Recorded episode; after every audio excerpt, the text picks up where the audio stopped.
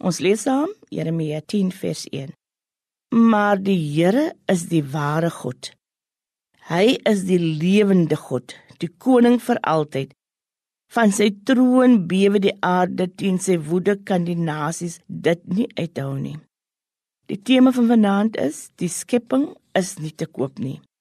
Jesus is die weg en die waarheid en die lewe en ons moet verstaan dat alhoewel die mens besig is om die skepping stelselmatig te vernietig, het God hierdie skepping geskep met sy woord en gesê dit was baie goed. Vandag word die skepping gekommersialiseer. Die skepping is egter nie te koop nie. Die gedeelte in Jeremia 10 van vers 1 tot 16 help ons om te verstaan dat daar 'n verband is tussen sosiale praktyke en die geloof wat ons verkondig.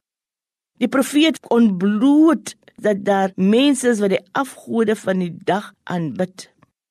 Hierdie afgode van die mens is egter volgens die profeet bloot menslike skepinge.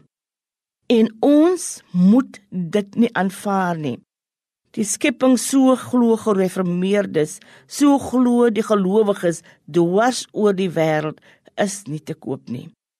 Daarom moet ons nee sê vir die uitbuiting van die rykes van diegene wat die wêreld hulle eiendom maak en maak asof hulle dit kan te koop aanbied en kan vernietig en natuur kan vernietig.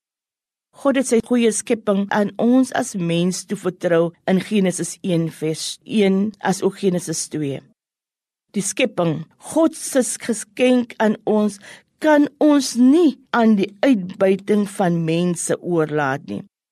Teenoor hierdie valse afgode van die dag word ons nee te sê. Ons moet hardop bely, die skepping is nie te koop nie. Kom ons bid saam.